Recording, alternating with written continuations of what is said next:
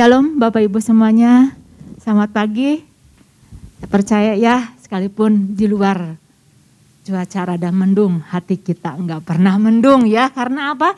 Karena Tuhan yang besar tinggal di dalam kehidupan kita. Puji nama Tuhan, uh, Ibu Bapak yang dikasih oleh Tuhan, firman Tuhan pagi hari ini adalah, uh, temanya itu adalah menjadi lebih besar ya. Diambil dari Yohanes 3 ayat yang ke-30.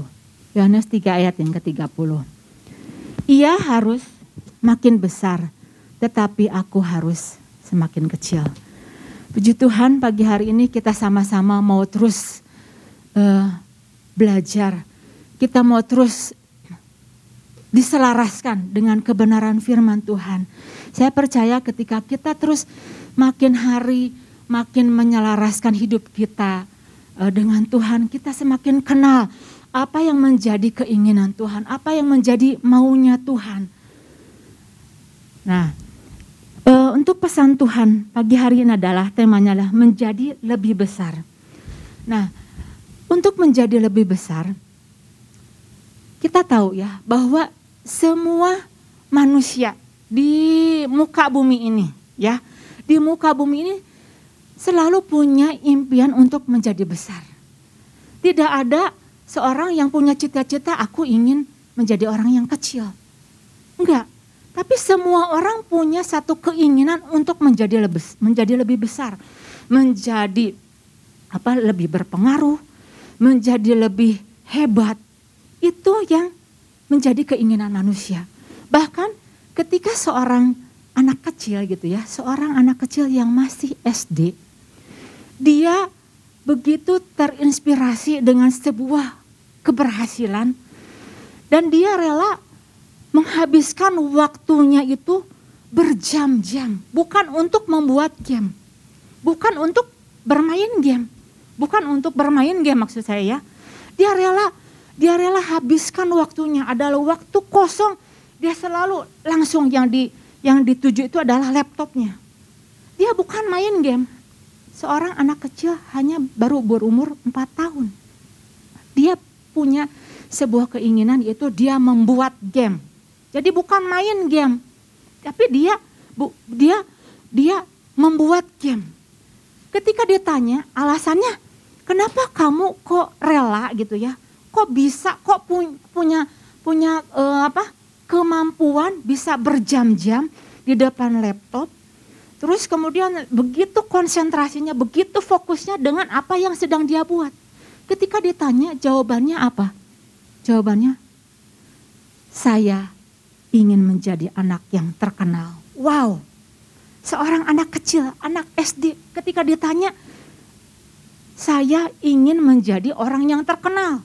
Karena pada saat dia membuat game, viewernya begitu banyak, dia menjadi orang terkenal dan akhirnya dia bisa mendapatkan penghasilan, membawa keuntungan. Pada saat uh, pada saat anak tersebut terkenal, dia punya pemikiran saya akan banyak mendapat keuntungan dan saya bisa meringankan beban orang tua saya. Makanya dia begitu terinspirasi pokoknya saya ingin menjadi terkenal. Belum lagi Ibu Bapak, beberapa waktu yang lalu ya, uh, apa kota Bandung ya sempat viral gitu ya. Karena apa? Karena seorang pedagang cakwe. Tiba-tiba ada seseorang yang mem, apa, memviralkan dan akhirnya jadi terkenal. Padahal dia dagang itu di pinggir jalan. Dan ketika ditanya, ketika ditanya, apa sih rasanya? Rasanya sepertinya biasa aja relatif gitu. Tetapi ketika ada seseorang yang memviralkan membuat dia terkenal, adonannya yang tadinya hanya beberapa kilo hari itu beberapa waktu uh, uh, yang lalu gitu terus bisa bertambah-tambah bahkan bisa puluhan uh, kilo terigu yang dia buat. Karena apa? Karena dengan terkenal membuat ada keuntungan membuat omsetnya itu naik. Bahkan orang berjubel sampai ngantri gitu lama gitu ya. Dan saya lihat apanya gitu ya yang membuat jadi terkenal itu. Nah itulah seseorang yang punya keinginan untuk menjadi terkenal. Pada saat ada ada inovasi yang baru, dia merasa, waduh, nanti daganganku uh, harus dibuat gimana lagi ya, supaya tetap terkenal, supaya tetap omsetnya itu bertambah. Jadi rasanya ketika ada sesuatu yang baru dari orang lain yang, di, yang dikerjakan, inovasi yang baru, dia ngerasa, wah saingan, ini sebuah saingan. Begitu juga dengan pelayanan murid-murid Yohanes pada waktu itu. Dengan tampilnya pelayanan Yesus pada waktu itu. Pertama, Yesus bisa mengubah air menjadi anggur. Wow, dahsyat nggak ibu bapak? air tawar jadi anggur. Itu kedengar sama orang itu, wow, ada apa nih orang ini? Hebat banget nih orang ini. Kemudian murid-murid Tuhan Yesus, eh murid-murid Yohanes pada waktu merasa dia tersaingi. Pelayanan Yesus itu adalah kompetitornya yang tadinya mungkin sorotnya itu pada murid-murid Yohanes, tetapi sekarang berubah. Sorotnya itu pada Yesus dan pelayanannya. Jadi pada waktu itu murid-murid Yohanes ngerasa ada sebuah kecemburuan. Tapi satu hal yang hebat dari Yohanes. Sesuai dengan pesan Tuhan. Dia tidak terburu-buru bereaksi salah terhadap masukan dari murid-murid Yesus. Luar biasanya di sini. Dia enggak terburu-buru bereaksi salah terhadap pelayanan Tuhan Yesus. Bahkan dia juga enggak, enggak kecewa dengan pelayanan yang sedang dia kerjakan. Dia enggak merasa dirinya itu, aduh pelayanan saya kok lebih kecil ya. Pelayanan saya itu enggak ada artinya. Oh enggak. Itulah seseorang yang punya tujuan, punya visi, punya panggilan jelas dalam kehidupannya. Ketika ada seseorang mungkin yang dipakai uh, lebih dari dia, dia nggak merasa iri. Ketika dia nggak di, dipuji, dia nggak merasa terganggu. Karena apa? Dia tahu siapa dirinya. Dia sadar di mana dia berasal. Dia sadar apa yang harus dibesarkan dalam kehidupannya. Nah, Ibu Bapak, saya mau membacakan gitu ya, inti pesan Tuhan. Yang pertama adalah Tuhan menghendaki bahwa inilah saatnya di mana orang percaya harus terus menambah-nambahkan, membesarkan diri kita.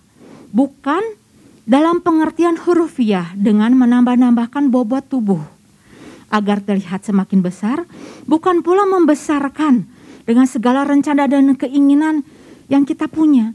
Namun memperbesar diri artinya itu terus menambah-nambahkan dengan hal-hal yang berasal dari Tuhan sehingga Kristus harus tampak semakin besar. Dia harus semakin diperlihatkan di dalam hidup kita. Kehendak dialah yang menjadi dasar tindakan kita.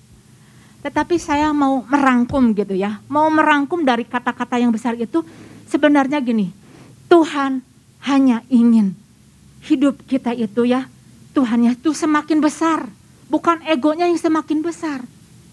Tuhan ingin kehidupan Yesus di dalam diri kita itu dia yang semakin nampak besar. Karena apa? Karena dia pengen hidup kita itu menjadi satu sebuah tempat untuk memanifestasikan dirinya, memanifestasikan pribadinya. Apakah bisa? Mungkin ibu bapak beralasan, oh itu mah Tuhan Yesus. Apakah bisa? Ya bisa. Karena dia Tuhan dan dia 100% manusia. Apakah harus? Iya harus. Dikatakan bahwa kemarin ini adalah sebuah keharusan ilahi. Apakah penting? Wow, iya penting sekali. Mengapa penting? Mengapa penting Yesus semakin besar di dalam diri kita? Karena kalau ibu bapak sadar ini adalah waktu yang paling akhir. Di zaman akhir. Di mana sekarang orang-orang sedang mencari-cari kebenaran. Orang sedang mencari-cari Yesus Tuhan yang hidup itu yang bagaimana? Tuhan yang harus saya sembah itu yang bagaimana? Dari berbagai latar belakang mereka sedang bertanya-tanya. Tuhan yang harus saya sembah itu yang mana? Nah puji Tuhan Ibu Bapak. Ketika diberi kesempatan kepada kita. Kita adalah kita adalah orang yang dipilih oleh Tuhan untuk memanifestasikan dirinya. Oleh karena itu, Yesus harus semakin besar. Manifestasinya harus semakin besar sehingga orang melihat ada Yesus di dalam kehidupan kita. Amin Ibu Bapak. Nah, poin ini yang saya mau membagikannya yang harus kita pahami bagaimana supaya Yesus semakin besar di dalam kehidupan kita. Poin yang pertama yang saya mau membagikannya adalah yang pertama, sadari bahwa kita tidak mempunyai apa-apa jika tidak diberikan Tuhan kepada kita. Hanya karena Tuhan memberikan kepada kita, maka kita punya apa-apa. Pada dasarnya kita nggak punya apa-apa. Tetapi jika Tuhan memberikan maka kita punya apa-apa. Diambil dari Yohanes 3 ayat yang ke-27. Jawab Yohanes, tidak ada seorang pun yang dapat mengambil sesuatu bagi dirinya kalau tidak dikaruniakan kepadanya dari sorga. Yohanes pada waktu itu dia sadar betul siapa dirinya. Bahwa dia nggak ada, bukan siapa-siapa. Dia bukan Mesias. Dia hanya sebagai uh, orang yang diutus untuk membuka jalan. Dia hanya di, di, dipakai hanya sebagai alatnya Tuhan untuk membuka jalan bagi kedatangan Tuhan Yesus Kristus. Jadi pada waktu pelayanan Tuhan Yesus begitu hebat, dia nggak nggak nggak pusing. Dia nggak merasa, waduh, saya nggak dihargai lagi nih saya nggak di apa nggak dihormati lagi sama orang-orang. Dia tidak ada tidak punya pemikiran seperti itu, tidak merasa dirinya itu tersaingi.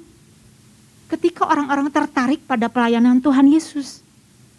Namun pada kenyataannya murid-murid Tuhan Yesus yang merasa dirinya itu tersaingi. Yang merasa dirinya itu, uh, aduh gak bakalan lagi nih saya menjadi sorotan.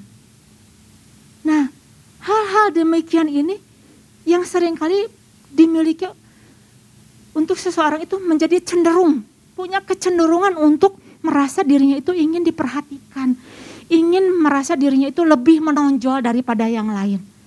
Ingin merasa dirinya itu lebih wah daripada yang lain. Nah, satu kali ketika saya ketika saya uh, ngobrol gitu ya sama suami saya.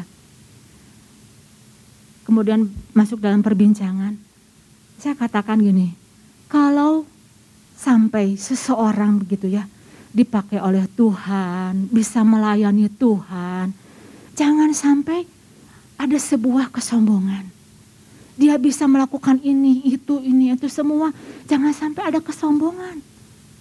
Kalaupun dia misalkan kaya, dia pintar, dia cantik, jangan sampai ada kesombongan. Karena semuanya itu hanya Tuhan yang memberikannya kepada kita semua. Jadi sering kali kita punya kecenderungan untuk apa? Untuk menyimpang dari apa yang menjadi kehendak Tuhan. Itu sebabnya kita perlu yang namanya itu menjaga hati kita menjaga diri kita supaya apa? Tidak mudah ditipu oleh keadaan dunia. Tipu daya dunia. Di mana mereka berusaha terus menambah-nambahkan, mengejar, mengejar. Supaya apa? Supaya dirinya itu terlihat lebih wow. Supaya dirinya itu terlihat lebih hebat. Padahal Tuhan katakan begini di dalam Matius 6 ayat 33 carilah Tuhan dan kebenarannya, maka semuanya itu akan ditambahkan kepadamu. Jadi yang harus kita kejar adalah kebenarannya. Yang harus kita kejar adalah Tuhannya. maka Tuhan akan menambah-nambahkan kepada kita. Itulah pentingnya di sini. Nah, Ibu Bapak, bisa saja gitu ya. Ketika seseorang tidak menjaga dirinya, maka motivasi dari dirinya yang akan membuat dia melenceng dari motivasi dari visinya Tuhan. Bisa saja dia tetap percaya kepada Tuhan. Tetapi keinginannya, hawa nafsunya, kedagingannya yang mendorong dia. Sehingga dia bisa melenceng dari visinya Tuhan. Nah, pagi hari ini kita sama-sama mau lihat ya bagaimana ketika kita menyadari, aduh Tuhan benar ya, bahwa ketika Tuhan harus semakin besar di dalam kehidupan kita, kita harus cek diri kita. Pada waktu kita datang kepada Tuhan benar enggak? Bukan hanya minta, minta, minta, minta. Tapi kita mulai bertanya, Tuhan apa sih yang menjadi isi hati engkau? Perasaan Tuhan, apa sih yang menjadi keinginan Tuhan? Sebenarnya apa ibu bapak? Ketika Tuhan memanggil semua umatnya, Tuhan punya sebuah kerinduan, yaitu kerinduannya apa? Memakai semua anak-anaknya. Memakai semua anak-anaknya menjadi perabotnya, menjadi alat-alatnya Tuhan. Tetapi kenapa kok Tuhan bisa uh, memperlakukan hal yang berbeda? Kasih Tuhan sama pada semua orang. Tetapi Tuhan bisa memperlakukan seseorang itu menjadi berbeda. Saya sebagai sebagai orang tua, mungkin ibu ibu bapak ya yang punya anak bisa tahu gitu ya. Oh, ini anak ini luar biasa. Dia bisa memperlakukan dia dia bisa menyentuh hati saya. Dia bisa menyentuh mungkin gak, gak banyak kata-kata tetapi tindakannya itu menyentuh. Sehingga membuat ada sebuah perlaku, perlakuan dari orang tuanya itu yang berbeda. Nah ibu bapak, salah satu contoh di mana uh, Tuhan memperlakukan Daud begitu berbeda karena apa? Sikap hati Daud. Tuhan senang sekali dengan sikap hati Daud.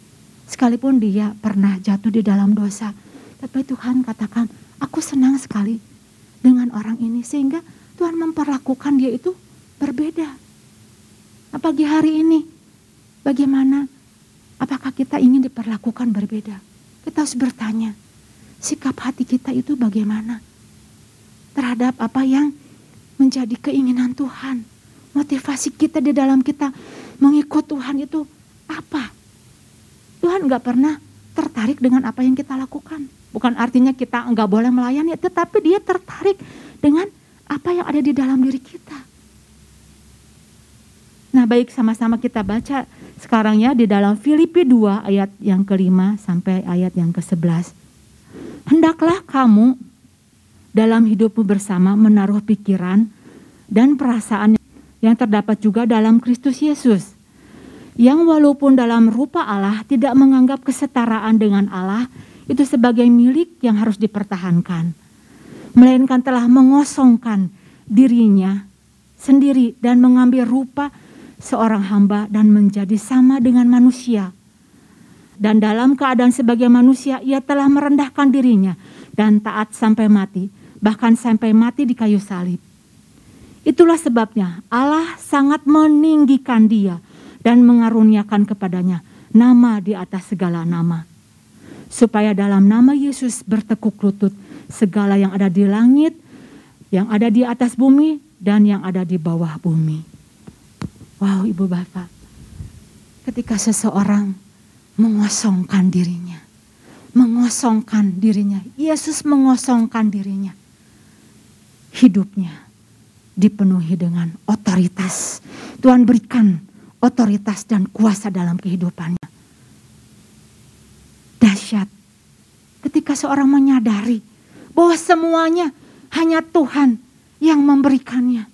Hidupnya maka akan menjadi berkat. Dia dia ngerasa bahwa hidupnya itu udah hanya Tuhan aja yang di dalamnya. Milik Tuhan sepenuhnya, kosong sepenuhnya. Ini sebuah hal yang gak mudah. Sampai saat hari ini saya masih berjuang. Bagaimana caranya supaya saya bisa semakin hari semakin berkenan. Supaya semakin hari semakin kedaging. Bukan saya yang dikontrol oleh kedagingan. Tetapi Tuhan yang mengisi kehidupan saya.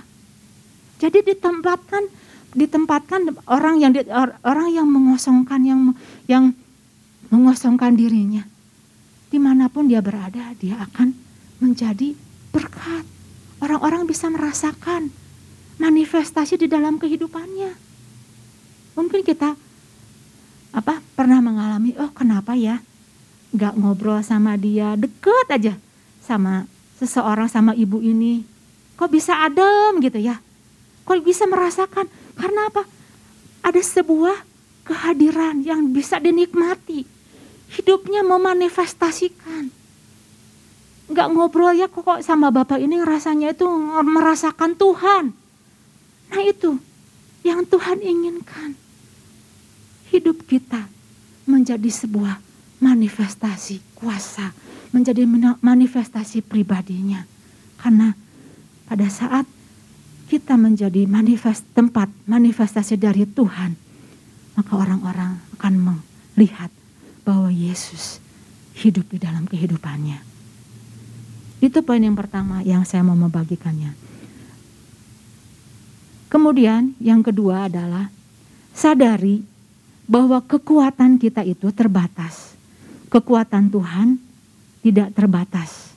Sadari kekuatan kita terbatas, kekuatan Tuhan tidak terbatas diambil dari Yohanes 3 ayat yang ke-34.